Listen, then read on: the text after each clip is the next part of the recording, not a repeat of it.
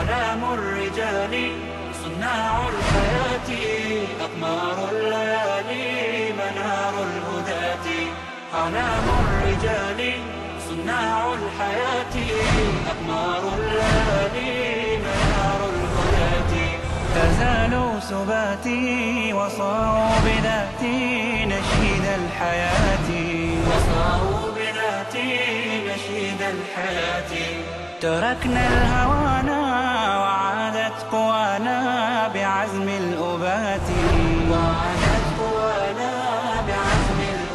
آه، يا من تسامى وخلى المنام جرى العمر يمضي ورا من سراما بسم الله الرحمن الرحيم إن الحمد لله نحمده ونستعينه ونستغفره ونعوذ بالله من شرور أنفسنا ومن سيئات أعمالنا من يهدي الله فلا مضل له ومن يضلل فلا هادي له أشهد أن لا إله إلا الله وأشهد أن محمدا عبده ورسوله وقال ربنا في كتابه كريم بعد أعوذ بالله من الشيطان الرجيم يا أيها الذين آمنوا اتقوا الله حق تقاته ولا تموتن إلا وأنتم مسلمون Zahvala pripada uzvišenom Allahu dželle ala koga naš gospodar na pravi put uputi, zaista je upućen, a koga ostavi u zabludi, neće mu naći nikoga ko će ga na pravi put uputiti. Svjedočim da nema drugog istinskog Boga osim Allaha dželle ala i da je Muhammed alihi salatu wasalam posljednji Allahov poslanik poslan sa istinom. Naš gospodar je kazao u svojoj plemenitoj knjizi, ovi koji vjerujete, bojte se Allaha istinskom bogobojaznošću i ne umirite nikako drugačije osim kao muslimani. Zatim, assalamu alaikum wa rahmetullahi wa barakatuhu. Hvala Allahu subhanahu wa ta'ala koji nas je nakon ovog perioda ponovo sakupio na ovom barek mjestu da nastavimo k'ovo da govoriti o njegovim lijepim imenima i značenjima istih. Večeras Draga braće i cijene sestre, govorit ćemo o dva velika Allahova subhanahu wa ta'ala imena, posebno o onome što proizilazi iz tih imena po pitanju nas, nas koji živimo u vremenu fitne, iskušenja, nedača, belaja, u vremenu kada su naši jezici iskušani, da pričamo i ono što treba i ono što ne treba. Tako da je večerašnje predavanje jako bitno za vjernika koji želi da živi život s kojim je Allah Tebare kevetala zadovoljan, koji želi da ide stazom poslanika Muhammeda alihi salatu wasalam, koji žudi za susretom uzvišenim, sa uzvišenim gospodarom Allahom Tebareke o Ta'ala, a da je njegov gospodar zadovoljan s njim, da je njegov gospodar zadovoljan s njegovim postupcima, s njegovim stanjem u svim situacijama, a posebno, kako kaže poslanik sallallahu alihi wasalam, komu bude garantao šta? ono što je između dvije usne. Znači, poslanik ali salatu wasalam, tako on će garantovati džennet. Odnosno, ko bude sačuvao, znači u značenju hadisa, ko bude sačuvao svoj jezik od stvari sa kojima gospoda nije zadovoljan, takav može se nadati, nadati uspjehu, odnosno ulasku u daru salam, u kuću spasa, užitka, i svake naslade. Suprotno tome, onaj koji ne bude sačuvao svoj jezik, a posebno u vremenu kušnje, fitne, takav ne može se nadati tim velikim Allahovim tebare kevetala neizmjernim blagodatima, dženevskim prostranstvima, ljepotama, uživanjima, kurijama i svemu onome što se nalazi u džennetu. Tako da večerašnje predavanje jeste, draga braćo, govor o dva velika Allahova subhanahu wa ta'ala imena El Hasib i El Hasib. Nakon što smo upoznali Allaha Tebareke ve Ta'ala, kroz njegova imena koja se odnose na njegov rububijet, na njegov uluhijet, da njemu pripada stvaranje, odredba, da on spušta, da on rastvara, sve mu daje moć, da je on malikul mulk, da njemu pripada apsolutna vlast, vlast Dunjaluka, vlast Ahireta, vlast sunnijeg dana. On je taj koji određuje, on je taj koji uvodi i izvodi, on je taj koji će nastaniti stanovnike dženneta u džennet, stanovnike džehennema u džehennem. Kada smo upoznali Allaha Tebareke ve ta'ala da je on el ilah, naš istinski Bog koji se obožava, kojem robujemo, od koga tražimo, za kim žudimo i čeznemo, on je taj, kako smo ga upoznali, koji je stvoritelj svega stvorenog, on je taj koji nam je dao život, naš skladan oblik, ovako kako jesmo stvoreni, njemu pripada svaka hvala i zahvala.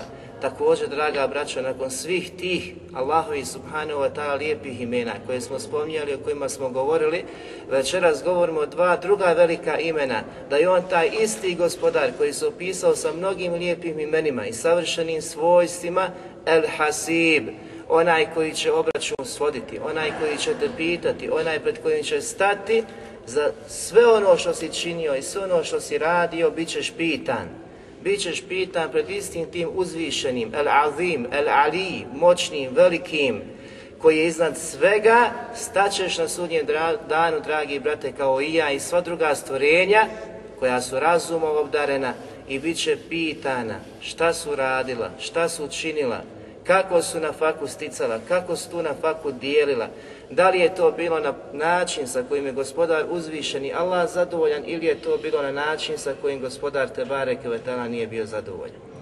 Također ćemo vidjeti iz večerašnjeg predavanja fajde i korist iz velikih imena, a jedno od tih velikih, znači fajdi jeste da čuvamo naše jezike sa kojima smo danas iskušani na ovim prostorima, posebno Bosne i Hercegovine.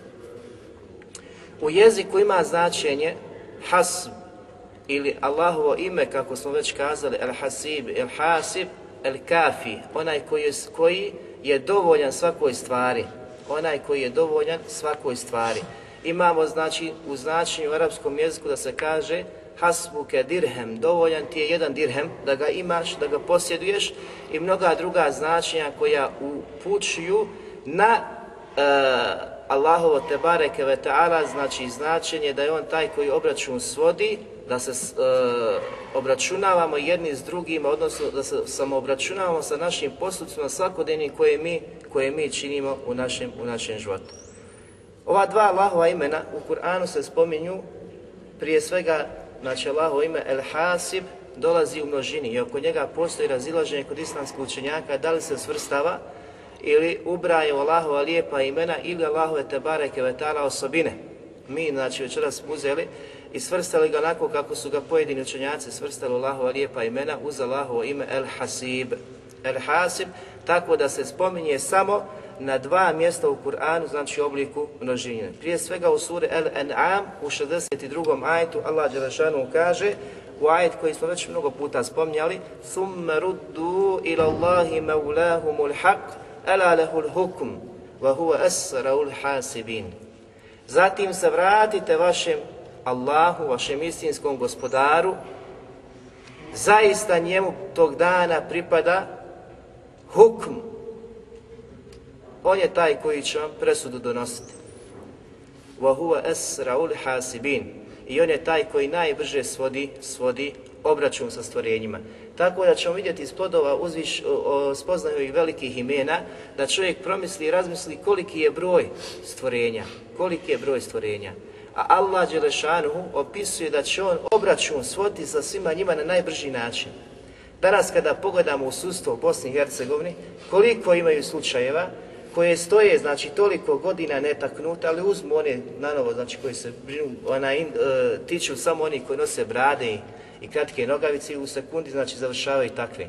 A oni koji su zločinci, oni koji kradu, oni koji otuđuju, oni koji ubijaju, ubice znači pravi zločinci, takve zapostavljaju, vidimo znači da to stoji tamo na kamarama godina i godina. Međutim, svi i oni i mi i svi drugi će se vratiti pred gospodara Tebare Veteala, kojem će pripasti hukm koji će biti vrhovni sudija jedini sudija koji će pravedno postupati pravedno presudu svakome od njih i nas presuditi vahuva esraul hasibin a on će biti taj koji najviše svodi račune imaš dobra alhamdulillah nemaš dobra astagfirullah, na, na uzu znači da budemo od, od takvih Zatim drugi Allah što vam spominje u suri Al-Anbiya وَكَفَا بِنَا A dovoljno je to što ćemo mi obračun svoditi. Ko mi? Allah te bareke, te bareke ta'ala na To vam je dovoljno ako pameti i razuma imate da promislite i razmislite sutra, nakon smrti, nakon proživljenja, nakon sudnjeg dana, kada se stane pred gospodara svjetova, ko bude upućen i ko bude čitao i znao, وَكَفَا takvom je dovoljno što će stati sutra pred gospodara Tebare Kevetala i račun položiti. Jer onaj koji vjeruje, kao kaže Hasan basri da će položiti račun, odnosno će polagati račun, da će biti proživljen i vraćen Allahu Tebare Kevetana, takav žudi za činjenjem dobrih dijela, odnosno takav radi na Dunjaluku kako bi se pripremio za dan kada će biti proživljen i stati pred svog uzvišenog Allaha te tebareke Allahu ime El Hasib, se spominje na tri mjesta u Kur'anu, prije svega u sur An-Nisa, u sur Al-Ahzab, kefa bina hasibin, A dovoljno je to što ćemo mi znači obračun svoditi. Tako da kažemo svaki onaj koji razmisli i promisli o Allahu i Tebare Kvetala lijepim imenima, a posebno večerašnjem imenu Al-Hasib, da ćeš stati pred svog uzvišenog gospodara koji će te pitati za svaku stvar, i malu i veliku. Kako ćeš gospodaru te bareke ve dati? Čak za misao, čak znači za riječi koje si kazao, koje su meleci koje su meleci zapisali. U hadisu koji bilježi imam Buharija, kaže poslanik sallallahu alihi wasallame, men kane minkum madihan ahahu la mahale.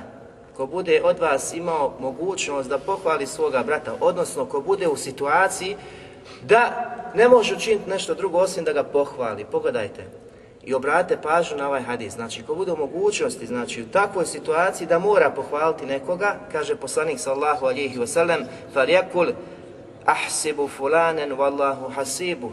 Ja smatram tog znači, čovjeka tako i tako ili poznajem ga po tome i tome, a Allah je taj koji će mu konačni sud dati koji će mu konačni sud dati. Gdje? Vala عَلَى اللَّهِ ehada, a ja nisam taj koji daje konačni sud na Razumijete, danas smo mnogo puta u situaciji da budemo pitani što misliš o tome i tome. Pa mi požurimo, znači da ga pokudimo i da spomenemo sve loše osobine. Ovdje treba obratiti pažnju na osobu, kada hoćeš da je pohvališ, kako ćeš je pohvaliti. Opreznost, a znam kako treba biti tek opreznost kada hoćeš da kudiš nekoga, a nemaš argumenata. Ovdje znači koliko je bitno, znači kad hoćeš da pohvališ, ako ne možeš da izbjegneš pohvali, ali kaži smatram je takvom i to nije moj konačni sud, nego Allahu pripada konačni sud koji će presuditi toj osobi da kaže da je takva i takva, pa kaže ahsebuhu kada wa kada in kane ja'lemu zalike min. Ja ga smatram da je takav i takav, kaže poslanik, ako zna sto posto da je on takav ne po nekim pretpostavkama. Čuo sam od mog ahbaba da fali tog gito pa ga i ja falim. Znate, ja ga veličam, pa ga i on veliča. Moj ga brat, što ga volim, kudi tog i tog, ponižava, on pa ga i ja ponižavam, on smatram da je on kod mene mašala, na visokom znači, stepenu, pa mogu od njega uzeti zdravo za gotovo. Ne Habibi, nego puzi oprezan. A nama je dokaz u hadisu da kaže poslanik sallahu alijih veselem ahsebu fulana.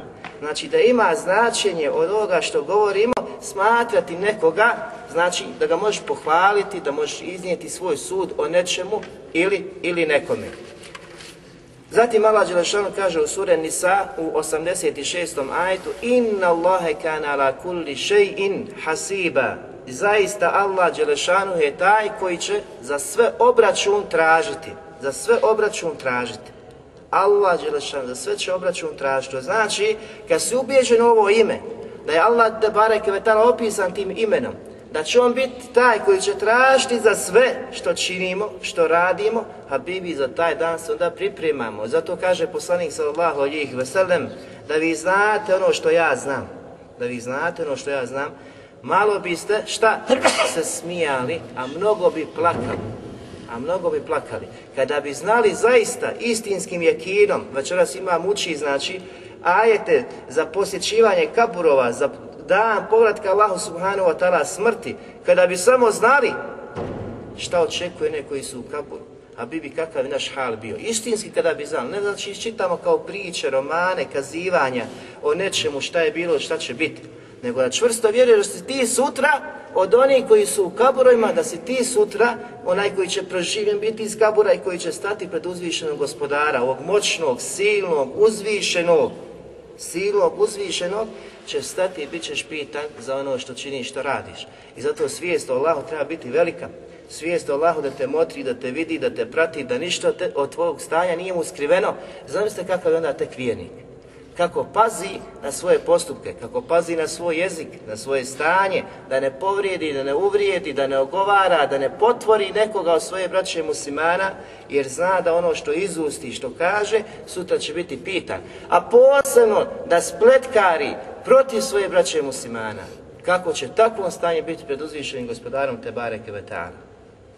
Zato pametan uzima, uzima znači ono što je došlo u Kur'anu i sunetu poslanika sallallahu alaihi Značenje ovih imena kada se odnose na Allaha Tebareke, Tebareke Vetala. za Ezdađađ Rahimahullah je kazao, El Hasib ima značenje onaj koji svodi obračun, a isto tako kaže može imati značenje El Kafi, onaj koji je svakoj stvari dovoljan. I ovo većina učenjaka uzimaju značenje El Hasib da je El Kafi. El Hasib da je El Kafi. Zatim Ibn Kesli Rahimahullah za ajet Inna Allahe kana ala kulli šeji'in hasiba Zaista je Allah Đelešanuhu taj koji će za svaku stvar tražiti odgovor. Za svaku stvar tražiti odgovor. Kaže, to jest da je on hafiz, da čuva svaku tu stvar Odnosno, kaže ima mišljenje da je šehid koji će doći svakoj stvari, odnosno kaže da će on svoditi obračun po pitanju svake te stvari što si činio i što si radio dok si bio na Dunjalku. A Ibn Đarir, kefa billahi hasiba, za ajet, znači dovoljan je Allah taj koji će svoditi e, račun, kaže dovoljan ti je o Muhammede, Allah te bareke ta'ala, onaj koji čuva djela svojih robova i na osnovu njih svodi obračun. Allah Đelešanuhu je El Hafiz, onaj koji čuva naša djela. Razumije? Ne samo da zna naša djela, on je El Alim, iz onih prvih znači, naših predavanja, sve znajući da o svemu zna šta radimo, šta činimo, šta ćemo raditi, kako ćemo to činiti. I svaki naš postupak je sačuvao, svaki postupak je sačuvan, zabilježen, registrovan i na sudjem danu nešto imati opravdanje, kažeš nisam ja to uradio. Jer si ti insan koji zaboravlja koji je u gafletu, ne znam šta si jučer radio, da znaš onaj šta si radio prije 10 godina ili 15 ili 20. Ali na sudnje danu, Habibi, sve će biti predočeno. Za sve ćeš biti pitan, sve će biti sačuvano od Allaha Tebareke ve Ta'ala i bit će ti izloženo. I bit će ti kazano tog dana, u to i to vrijeme si to i to radio. A ćeš ti tada priznati, jest. Jer znaš da onaj koji ti to potvrđuje i koji ukazuje na to je tvoj istinski gospodar, koje ćeš tek tada ako nisi na koji imao spoznan o njemu jekinen, znači jekinom, čvrstim, jakim ubjeđenjem u vjerovanja, tada ćeš imati jekin. I neće se moći suprostati gospodaru te bare kada ovaj tako kažeš, nisam Bože, to i to radio, ja mislim da sam to i to radio. Nema tada razgovora sa gospodarom te bare kvetala. Ovaj tada samo slušaš, tada samo očekuješ kako ćeš biti bačen u strašne provalije, a nadaš se njegovoj neizmjernoj milosti ako su bio od onih koji su radili dobro, da ćete, da sačuvati džehennema i da ćete uvesti u dženevska, prostranstva. Zatim je kazao za riječ inna Allahe kana ala hasiba i da će Allah Đelešanu za svaku stvar tražiti odgovor, odnosno obračun svoditi, da ima značenje da je Allah Đelešanu el hafiz. I zato neki učenjaci koji gledaju značenje ovih Allahvi Tebare Kvetara imena kojima govore, e, kažu da je teško da se može kazati El Hasib da ima značaj El Hafiz. Međutim, ima Ibn Đarir, on potvrđuje i tvrdi da ovo značenje El Hasib ima značenje El Hafiz, onaj koji, koji čuva, odnosno koji brine o svakoj, svakoj stvari. I mi kao što smo kazali, znači čovjek radi djela, čini dijela, dok je na Dunjalku. Ta djela će biti pobrojana, ta djela će biti zapisana i ta djela će biti sačuvana. Znači pobrojana, zapisana i sačuvana i bit će nam predočeno na sudnjem danu ono što smo činili. Zato čovjek radi i nastoji da što više istikvar čini Allahu te bare vetala, da traži i čini taubu gospodaru sumhanu wa za sve što je činio, a ne da bude ubijeđen da je on jedini na ispravnom putu, odnosno da je jedini koji će biti sačuvan, odnosno dženetlija. A kada vidimo u postupke naših ashaba, drugova poslanika sallallahu alihi veseleme, Bubekra Osmana, E, Osmana, znači je kada vidimo što su radili, čemu su se nadali, koji su bili dženetlije, kojima je obećan dženet, koliko su se natjecali, znači i dalje, nakon toga što je poslanik sallahu alijih veseleme uperio prstom i kazao vi ste ostavnika dženeta, koliko su se trudili. Koliko su se trudili da što više budu, znači što veći uzori ostalim ashabima i drugim generacijama koje će doći nakon njih. Jer Allah je znao iz svog apsolutnog znanja kakvi su oni i šta će raditi. I nakon toga što budu obradovani, obradovani džennetom. I obradovani. Pogledajte tako, tog hikmeta, Allahove savršene mudrosti u njegovom određivanju, u njegovom stvaranju, u njegovoj odredbi, da kada zagarantuje nekome džennet, zna zbog čega je zagarantovao džennet. Ko su oni? Oni nisu znači, eh, Ko što danas imate sekti koji kažu, aha, došao mi je jekin, ubjeđenje, čvrsto Allah, više nema ibadeta, ne treba više. Razumijete, ko je njemu zagarantovao? Nikomu nije zagarantovao, nikomu nije dao jamac za njegovo stanje, a ovima je zagarantovao poslanik koji govori znači samo ponove što mu dolazi kao vahji od Allaha te bareke ve ta'ala i nakon svega toga koliko su bili ustrajni, koliko su se takmičili u dobročinstvu i mnogo tih primjera ima da i ne spominu, nemamo vremena za to. I ovo, znači ova vrsta kifajeta, da je Allah Đelešan dovoljan vijenicima, da je dovoljan stvorenjima, mi smo kazali kao mnoge druge podjele koje smo činili da ima opšta i posebna. Kifajet koji obuhvata sva stvorenja, da je Allah te bareke stvoritelj koji se brine o svim stvorenjima, dobrim i lošim, vjernicima i nevijenicima, munaficima, licemjerima, onim istaknutim pravim, iskrenima, iskrenim te bareke vjernicima kao vlijama i slično o svima Allah Đelešanu brine, hrani ih, znači daje im obskrbu, rizk, daje im metak.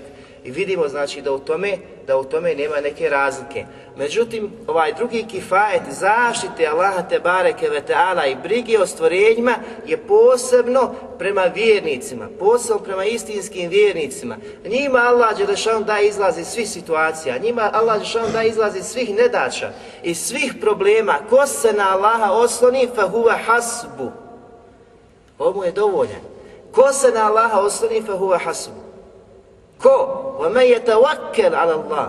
Ko se istinski na Allaha osloni, takvom je Allah dovoljan. Ibn Kajim i mnogi učenjaci spominju, kada bi Allah Đelešanu odredio da se nebesa sa svim onim što nose u sebi obruše na iskrenog vjernika, a on se u tom trenutku istinski osloni na svog uzvišenog Allaha subhanahu wa ta'ala istinskim tevekulom, Kaže, dao bi mu Allah izlaz i sačuvao bi, sve ostalo bi uništio, a on bi bio sačuvan, nebesa.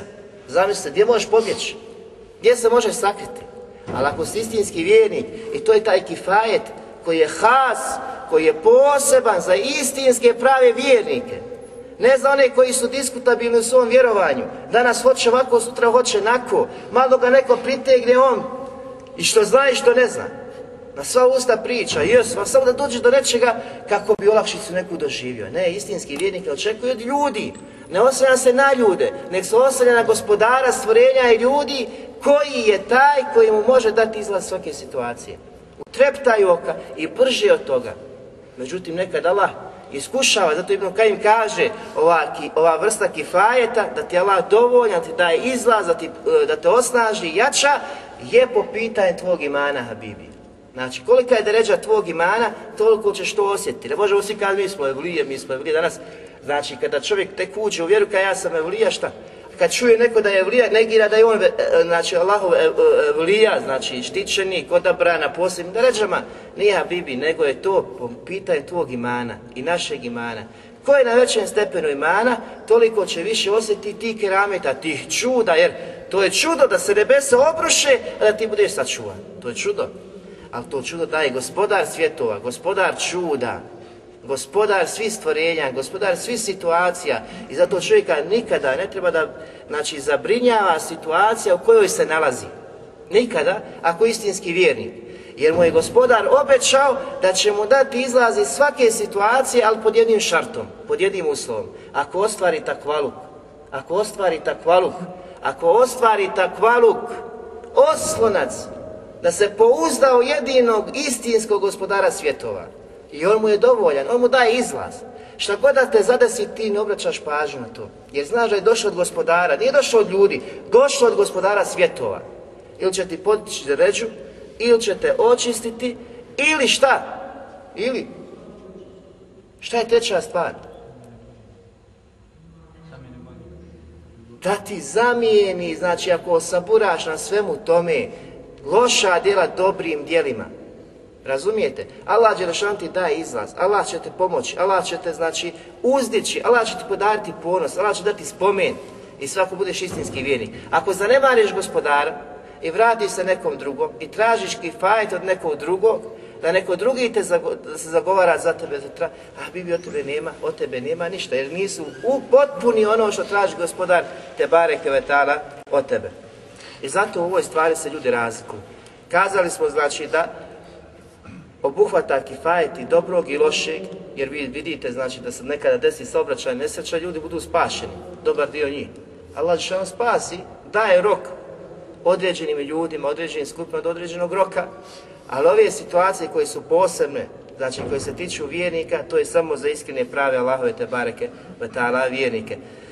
U ajetu gdje Allah kaže u suri el u 64. kaže Allah Đelešanuhu Ja ejuhan nebiju hasbuke Allahu wa minal mu'minin O vjerovjesniče, dovoljan ti je Allah i ovdje treba paziti kako se prevodi dovoljan ti je Allah a i onim vjernicima koji su uz tebe znači Allah dovoljan tebi o vjerovjesniče tebi je dovoljan ako se pouzdaš a poslanik se uvijek znači osnovna Allah te bareke vetala i vjernicima koji te slijede. Allah Đelešanu je dovoljan, kao što je dovoljan vjerovjesniku, dovoljan je i vjernicima koji budu krenuli stazom poslanika sallallahu alihi wasallam.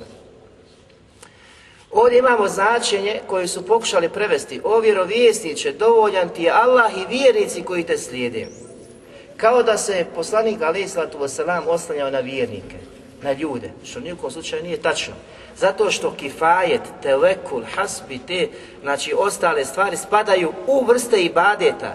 Jedina stvar, znači, koja pripada Allahu subhanahu wa ta'ala, ne može, znači, u tome da ima neko sauč, e, da, imaš, znači, saučesnika u tome, da tu e, stvar dijeliš, jedan dio pripada Allahu, druga, druga, drugi dio pripada ljudima, pojedincima, vlasti i slično. Ne, potpuno moraš biti predan Allahu. Tevekul i uzdanje je samo na Allaha. Ovaj kifajet, očekivanje pomoći je samo da Allaha te bareke vetala. Znači oslanjanje i traženje pomoći je samo da Allaha te bareke, te bareke vetala. Zbog ovih akajskih znači, e, propisa, odnosno e, stvari koje su su, sunne, ovako se mora razumjeti ovaj kuranski kuranski ajet. O će dovoljan je tebi Allah, ali dovoljan je svim vjernicima koji te budu slijedili, znači koji budu uz tebe. Allah Đelešanuhu kaže u suri Al-Anfal u 62. ajetu وَإِنْ يُرِيدُوا أَنْ يَحْدَعُوكَ Ako bi oni pokušali da te pronevjeri, znači da te prevare, da te izdaju, dovoljan ti je Allah Đelešanuhu. Danas smo u situaciji ovakvoj, kada mnogi žele da sebenike Islama, znači i pronevjere, i prodaju, i predaju, i svašta da čini s njima. Međutim, Allah je dovoljan pravim istinskim vjernicima.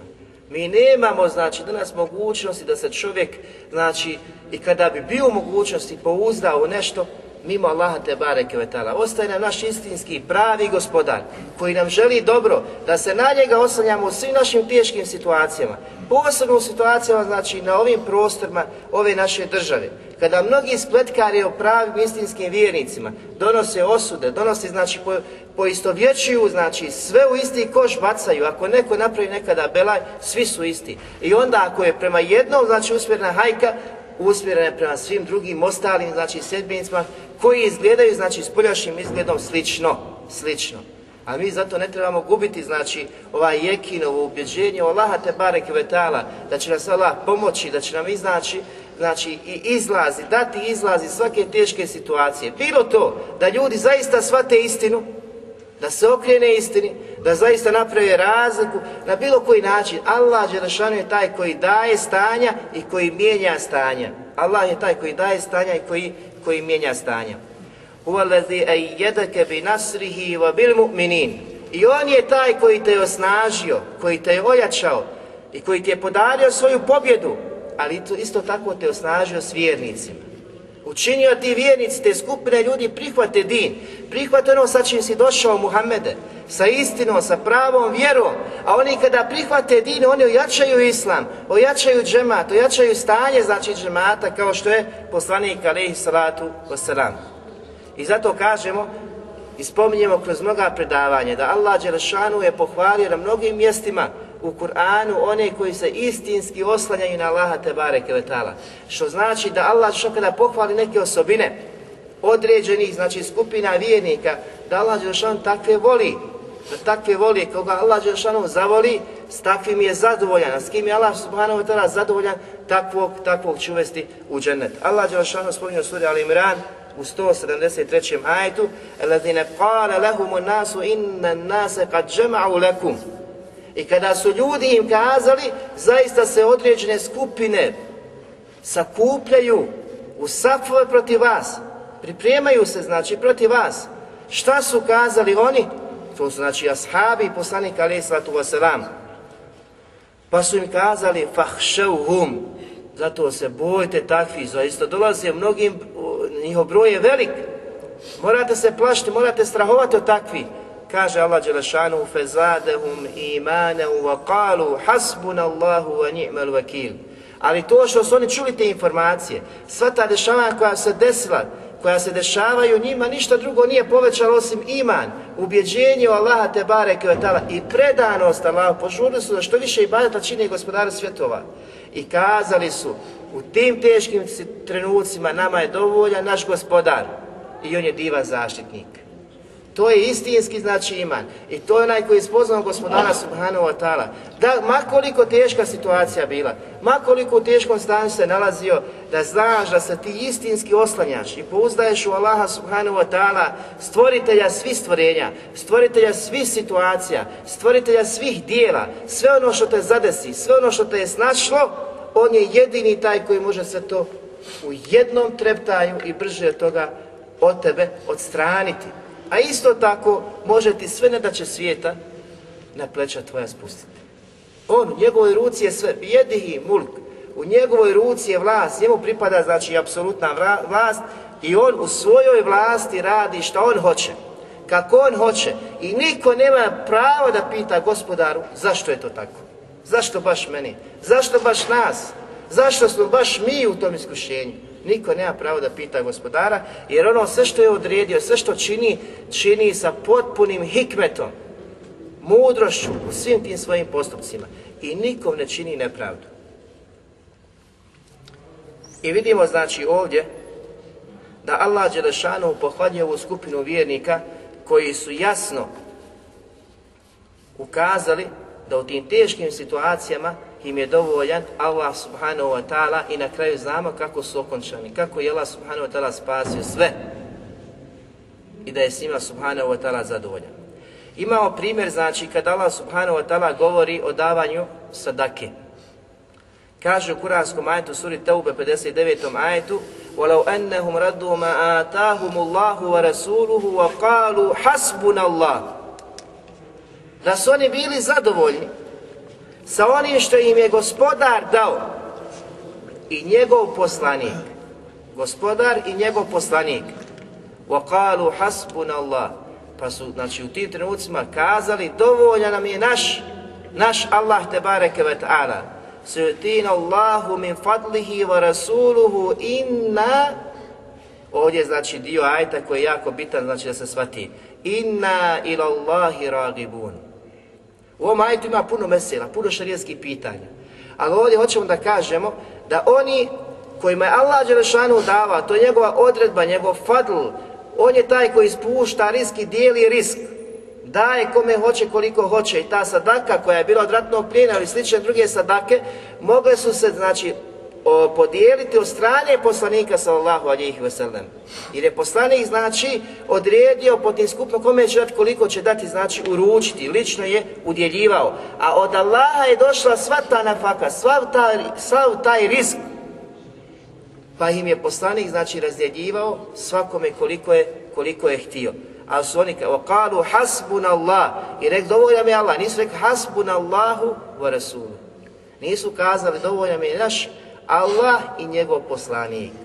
Jer ovaj hasb, ovo kajsko pitanje je jedino pripada Allahu subhanahu wa ta'ala, kifajet jedino pripada Allahu, tevekul jedino pripada Allahu, kao mnogi drugi ibadeti, žrtvu kada prinosiš, ne možeš prinositi nekom drugom osim Allahu, to njemu samo pripada, tvoj namaz, tvoja sežda, tvoj, tvoje robovanje Allahu pripada isključivo Allahu, to se ne dijeli.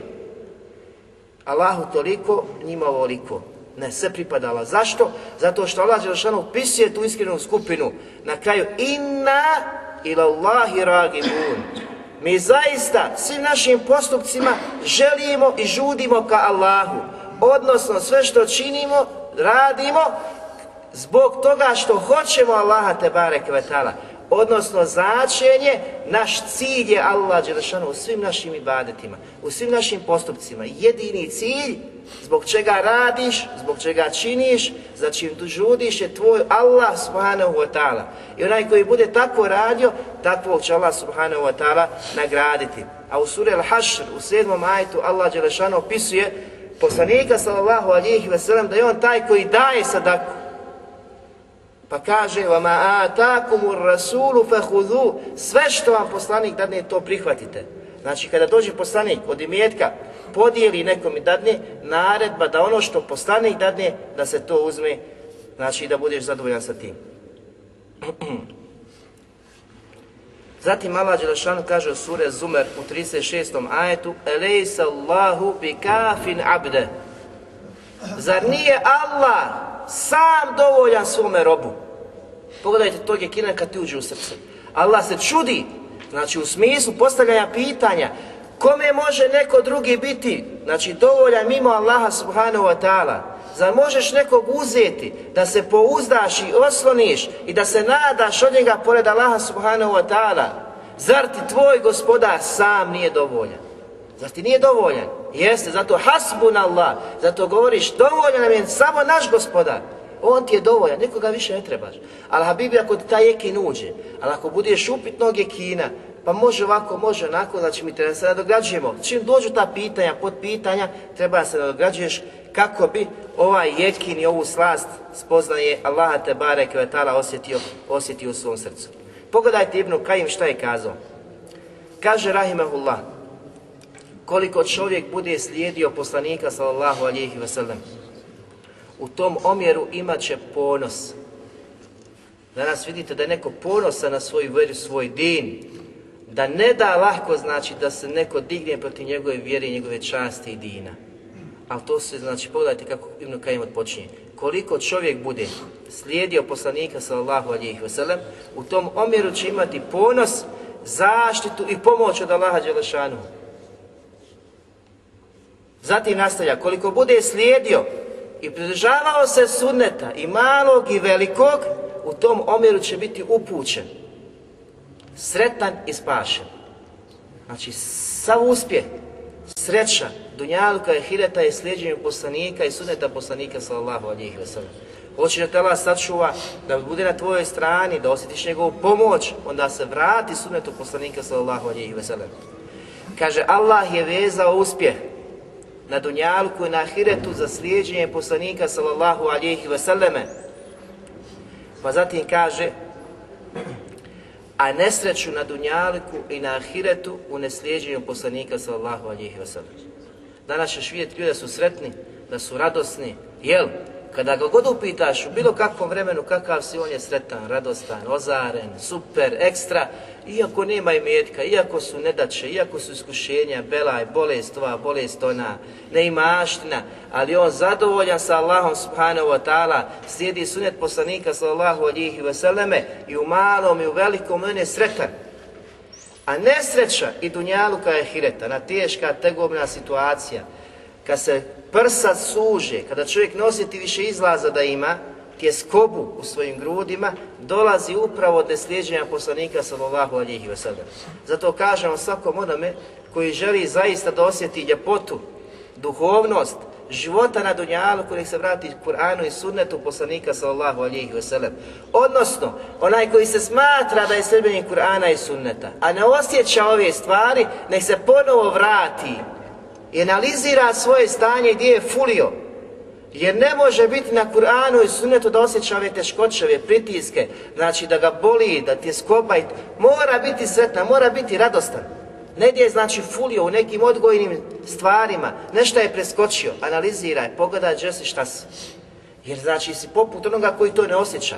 Osjećaš nedaću, osjećaš poteškoću, vidiš šta se znači učinio. Pa kaže, zato njegovim sljedbenicima pripada uputa, sigurnost, ponos, uspjeh, pomoć, pobjeda i Allahov vilajet, Allahova zaštita, Allahova sigurnost pripada samo njegovim sjedbenicima, onim istinskim pravim sunetlijama ne oni koji se tikiraju, znači smatra sam sebe da je na uputi, da je dobar.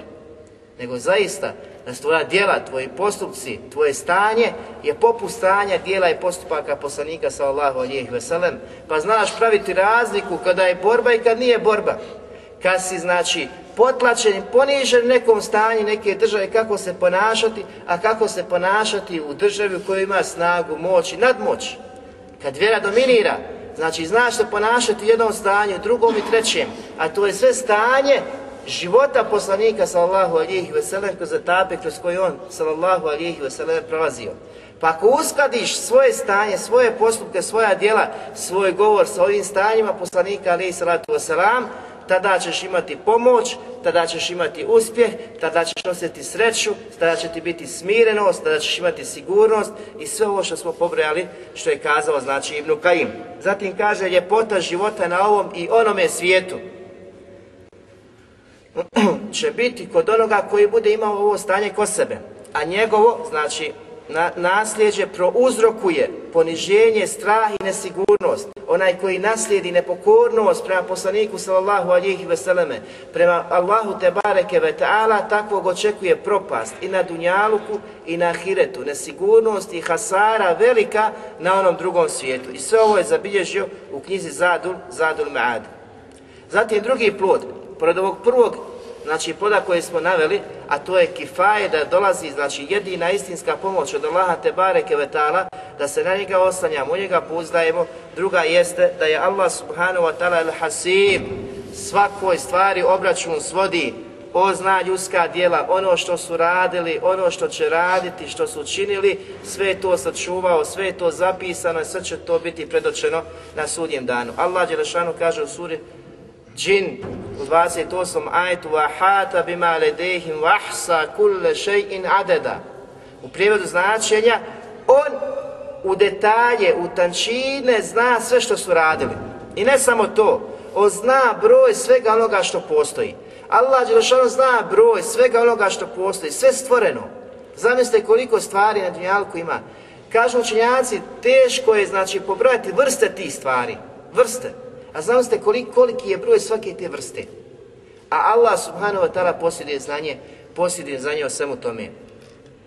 In kullu, min, in kullu man fis samavati vel ardi ila ati rahmane abda. Allah kaže, sve ono što je na nebesima i sve ono što je na, na zemlji, svi će doći kao robovi milostivog. Pred njega će stati. Svi će biti pitani kada dođu pred gospodara Tebare Kevetara. Zašto? Zatim kaže, kada ahsahum wa addahum adda. A oni je sve pobrojao, sve je zapisao, sve je sačuvao, svako njihovo stanje, njihov broj, svi od njih, od prvi i zadnji, od prvih znači generacija, zadnjih generacija, svi koji će se pojaviti, o svima njima, znači Allah uz stanja njihova zna i njihovo brojčano stanje zna i svi će oni doći pred gospodara Tebare Kevetala i stati. A kada su, znači, Čovjek kada zna da će stati, kada zna da će biti pitan, mora pripremiti odgovor, jer tog dana mora postojati odgovor. Nešto ćeš kazati, ali šta ćeš kazati? Kako ćeš odgovoriti? Kako će tvoje moje stanje biti tog dana? Ako ne budeš danas vodio brigu o tome, kako se pripremiti, kako se pripremiti za taj dan. Zatim kaže Allah Žešanu u suri Jasin u 12. ajetu وَكُلَّ شَيْءٍ أَحْسَيْنَاهُ فِي إِمَامٍ مُبِينٍ a sve smo u tančine pobrojali i spomenuli u jasnoj knjizi. Ibn Đerir i ostali mu fesiri kažu da je to Leuha Mahfuz.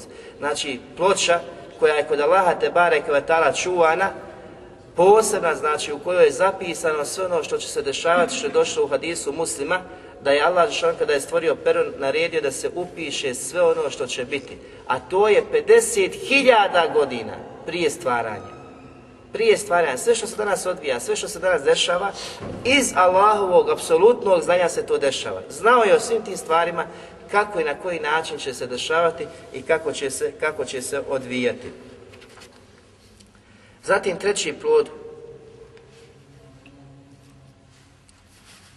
u kojeg trebamo znači da vjerujemo, koji e, znači proizilazi iz poznaje ovi Allahovi Tebare tala imena El Hasib, i hasib jeste da ova djela koja su zapisana da će biti sačuvana i da će nam biti predočena. Predočena. Znači vidjet ćeš svoja djela. Allah Đelešanu kaže وَنَدَعُ الْمَوَازِينَ الْقِسْتَ لِيَوْمَ الْقِيَامَةِ فَلَا تُزْلَمُ نَفْسٌ شَيْئًا I mi ćemo tog dana postaviti Terezije, pravedne vla, e, vage. I neće se znači nepravda učiniti niti prema bilo kome. Niko tog dana ne, ne treba da strahuje da će mu biti nepravda učinjena, nego će pravično biti presuđeno. Allah te bareke ve će tada pravedno sud svoj donijeti. Zatim kaže: "Wa in kana mithqala habatin min khardalin atayna biha wa kafa bina hasibin." I koliko trunka jedna koju budeš učinio na dunjaluku i ona će biti postavljena ta svage da se vaga. Jedna trunčica. Atom neki danas to nazivaju. Ako si je učini, ako si uradio radi, ona će doći na ta svage. kefa bina. A dovoljno vam je to što ćemo mi svoditi račune s vama. Allah subhanahu wa ta'ala. A on najbrže svodi račun. Zamislite jedan atom, jedna trunčica, koji su radio dobra ili zla i ona će se postaviti na ta svage. Kako će naše stanje biti? Tek nakon toga kad ovakve informacije uđu u naša srca čovjek počinje shvatati kako će taj težak dan biti i vjerovjesnicima. Kako će se pobojati za one grijehe kojim je Allah Đelešanu oprostio. Niko neće biti taj koji će kazati ja ću šefa da činim, ja ću se zagovaram za vas. Od Adema, jel, odbit će i Adem, odbit će Ibrahim, i Nuh, Isa, Musa, svi će odbiti dok ne dođu do poslanika sallallahu njih wasallam. Svi će se pobojati za svoje grijeh koji su učinili. A zamislite nas insane koji su došli nakon njih, koji nismo vjerovjesnici, nismo odabrane skupine, ali nadamo se da smo istinski, istinski vjernici u Allaha te i nadamo se njegovom rahmetu i milosti kako naše stanje će biti toga dana. I zato možemo da shvatimo, ona stanja će ljudi biti u znoju, do članaka, do svojih koljena, do pasa, do ramena, neki će znači da im u usta upadaju, a neki će znači da se potapaju svom sobstvenom znoju na sudnjem danu kada budu stajali i čekali da se obračun, odnosno se Allah obračuna sa svima njima, da svima njima svede račun za sve ono što su činili tada će biti hakika, tada će biti stvarnost pred njima. Znači, i bit će ubijeđeni da je onaj dan s kojim, je gospodar prijetio dok su bili na Dunjaluku se desio, da su proživljeni i da očekuju. I to je opet, poželio bi da i tako bude, znači, vječnost, a da ne uđe u džehennem i da ne osjeti tek, znači, ono što očekuju džehennemu, one koje Allah Đelšanu bude ubacio da nas Allah sačuva džahnema. Zatim Allah Đelešanu naredio melecima, draga braćo, da zapisuju sve ono što čovjek kaže. Sve što izgovori. Allah kaže u suri Qaf u 18. ajetu Ma jelfidhu min qavlin illa ledehi raqibun atid. I on ne izusti ni jednu riječ, a da pored njega nije prisutan onaj koji bdije, onaj koji je uz njega, ovdje mu fesiri kažu da su to meleci. Znači meleci s desne i s lijeve strane, kiramun katibin, plemeniti pisari, koji zapisuju naša djela. I ovdje postoji razilaženje kod učenjaka da li oni zapisuju sva, sve naše riječi, sve što kažemo ili samo ono što je nagrada, odnosno što će biti nagrada ili ono zašto ćemo biti kažnjeni. I Brabas, njegove mišljenje da smatra da meleci zapisuju samo ono što će biti ili nagrada, što će biti na osnovu toga nagrađeni ili kažnjeni. Odnosno što spada ili pod nagradu ili pod kaznu. A da ostale stvari, znači, ne zapisuju. Dok većina drugih učenjaka smatra da oni zapisuju sve. Sve što izustimo, sve što kažemo, oni zapisuju. Oni zapisuju. I imamo hadis kod imama Ahmeda u zbirci Nesa ibn Mađa, Ahmeda, Hakima i drugi, a šeheh Albani kaže da je vjerodostojan, gdje kaže poslanik sallallahu alihi wasallam Ina rađule la da bi kelimetin miridvani Allahi ma jezunu an tabluga ma belagat. I ovo je jako bitno. Zaista čovjek izgovori nekada riječ, ne obraćajući pažnju, nikakvu znači prema toj riječi, ali ona je izazvala Allahu te bareke je tala zadovoljstvo. Allah je zadovoljan sa tom riječju i ne zna gdje je ta riječ dospjela. Razumijete, nekad izvustiš nekad riječ, nisi svjestan te svoje riječi. Pa kaže jektubu Allahu lehu bihi ridvanehu ila yawmil qiyame. o jektubu Allahu lehu biha ridvanehu ila yawmil qiyame. Pa će Allah Đelešanu mu pisati i zapisati zadovoljstvo svoje sve do sudnjeg dana. Zbog te riječi. Zbog jedne riječi. I ovo je ono što mi priželjkujemo, čemu se nadamo.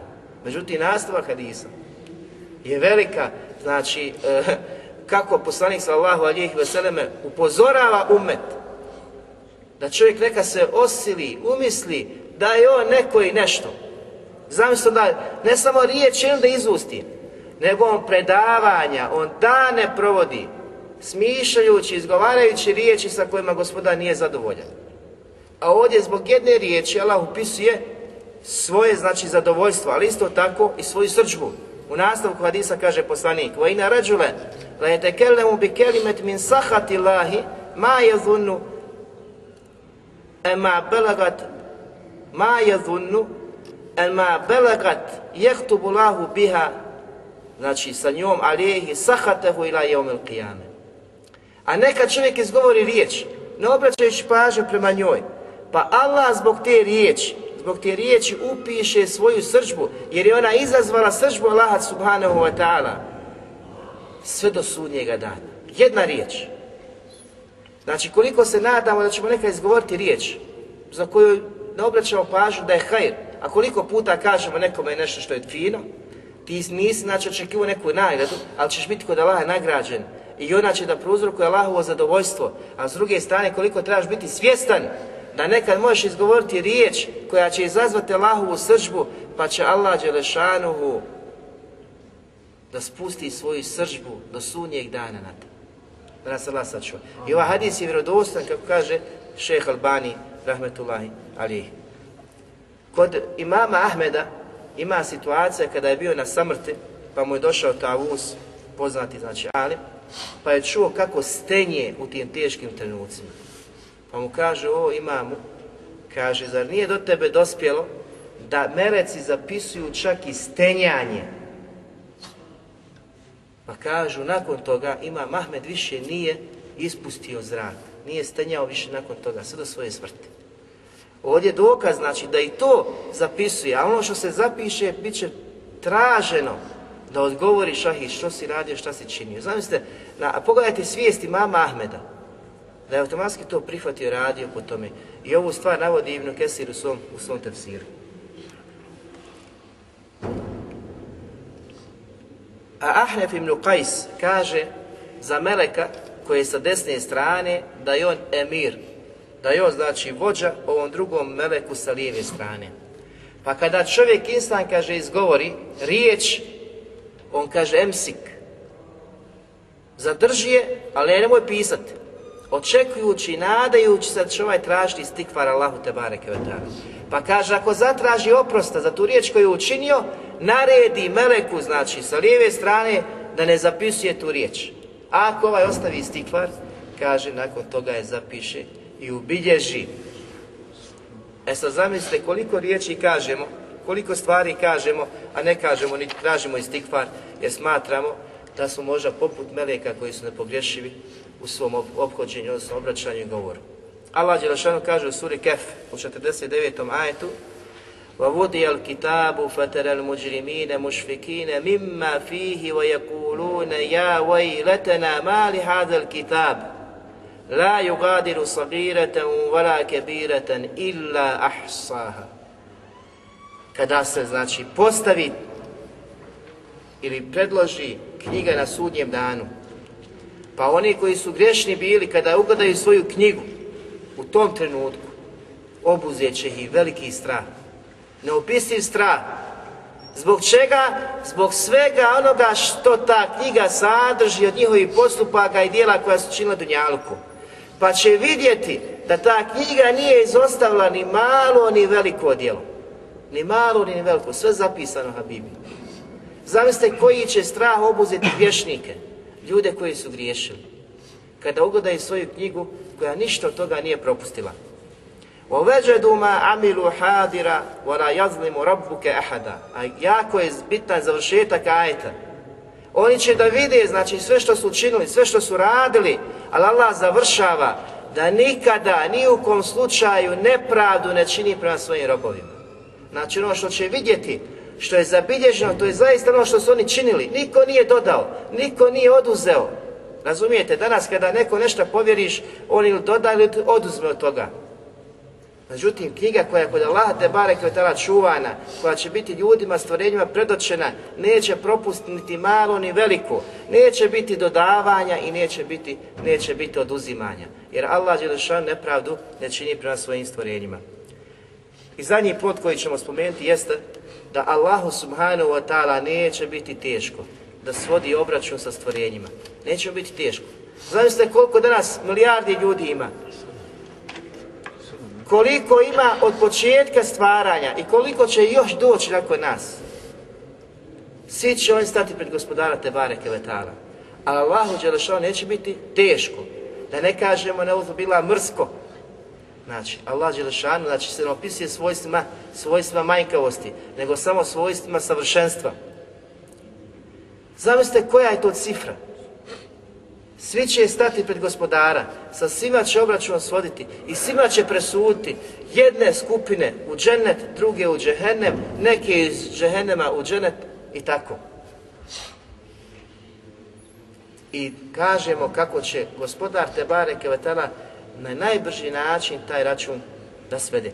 Allah subhanahu wa ta'ala kaže u suri Al-An'am ثُمَّ رُدُّوا إِلَى اللَّهِ مَوْلَاهُمُ On će svi poslije toga biti vraćeni Allahu subhanahu wa ta'ala svom istinskom gospodaru. Koliko god ti ili vjerovo, ili nevjerovo, ili sumnjao u svog gospodara, nakon smrćeš biti vraćen Allahu subhanahu wa ta'ala. Koji je istinski tvoj gospodar. Svi. I vjernici, i nevjernici, i loši, i dobri, i munafici, i slično. Svi će vratiti se gospodaru Subhanahu wa ta'ala. hukmu wa huwa hasibin. Samo će se on tog dana pitati, odnosno samo će njemu sud pripasti tog dana. Samo će on presudu donositi, niko drugi. A on će najbrže da svodi račune toga dana. Zatim Mala Šanu kaže ukazujući kako to njemu nije teško. Kada se svi vrate, kada se budu proživljeni, kada budu svi sakupljeni na tom danu, da mu to nije teško. Jer kaže u suri Lukman 28 ajetu Ma halkukum illa ke nefsim vahida Stvoriti sve vas, proživjeti sve vas je poput stvoriti jednog čovjeka i proživjeti jednog čovjeka Allah te barek Zamislite ove cifre milijardi ljudi danas i oni prije nas, naroda, i oni koji će doći nakon nas, po pitanju Allaha subhanahu wa ta'ala, njegove snage, moći i odredbe, je tako jednostavno za stvoriti i učiniti, znači sve njih poput jednog čovjeka, poput jednog čovjeka, znači oživjeti i usmrti, odnosno proživjeti. Zatim Allah Đelešanu kaže u suri Yasi u 82. ajetu Innama emruhu idha erade še'en Ej kule lehu kun Njegova odredba je takva kada želi nešto da učini, samo kaže kun fejekun, budi ono biva. Znači se te snage i moći. To je neopisivo, to ne možeš zamisliti. Zato Allah, Allah Đelešanu se ne može znači, zamisliti. Ne može se pojmiti. Ne može se pretpostaviti, znači. Allah te bareke vetara.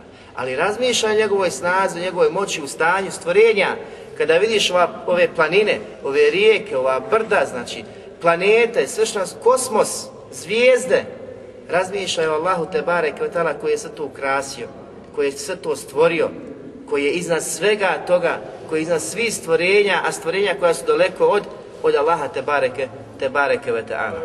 I na kraju ćemo navesti samo jednu predaju koju bilježi Ibn Ebi Šejbe od Ebu Auna koji je bio jedan od tabijina rahimahullah, da kaže da su one prve generacije Selefa imali običaj kada nakon susreta se razilaze da oporuče jedni drugima tri stvari, a isto tako kad su pisali jedni drugima pisma, oporučivali su ove tri stvari.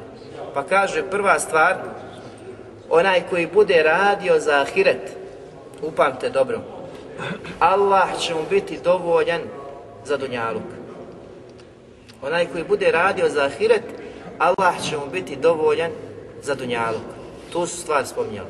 Druga stvar, onaj koji popravi odnos prema Allahu te bareke ve ta'ala, Allah će ga zaštititi od ljudi. Ko popravi svoj odnos, niko ti ništa ne može, Habibi. Ako popravi svoj odnos istinski, nas prema Allaha te bareke ve ta'ala, Allah će te zaštititi od ljudi.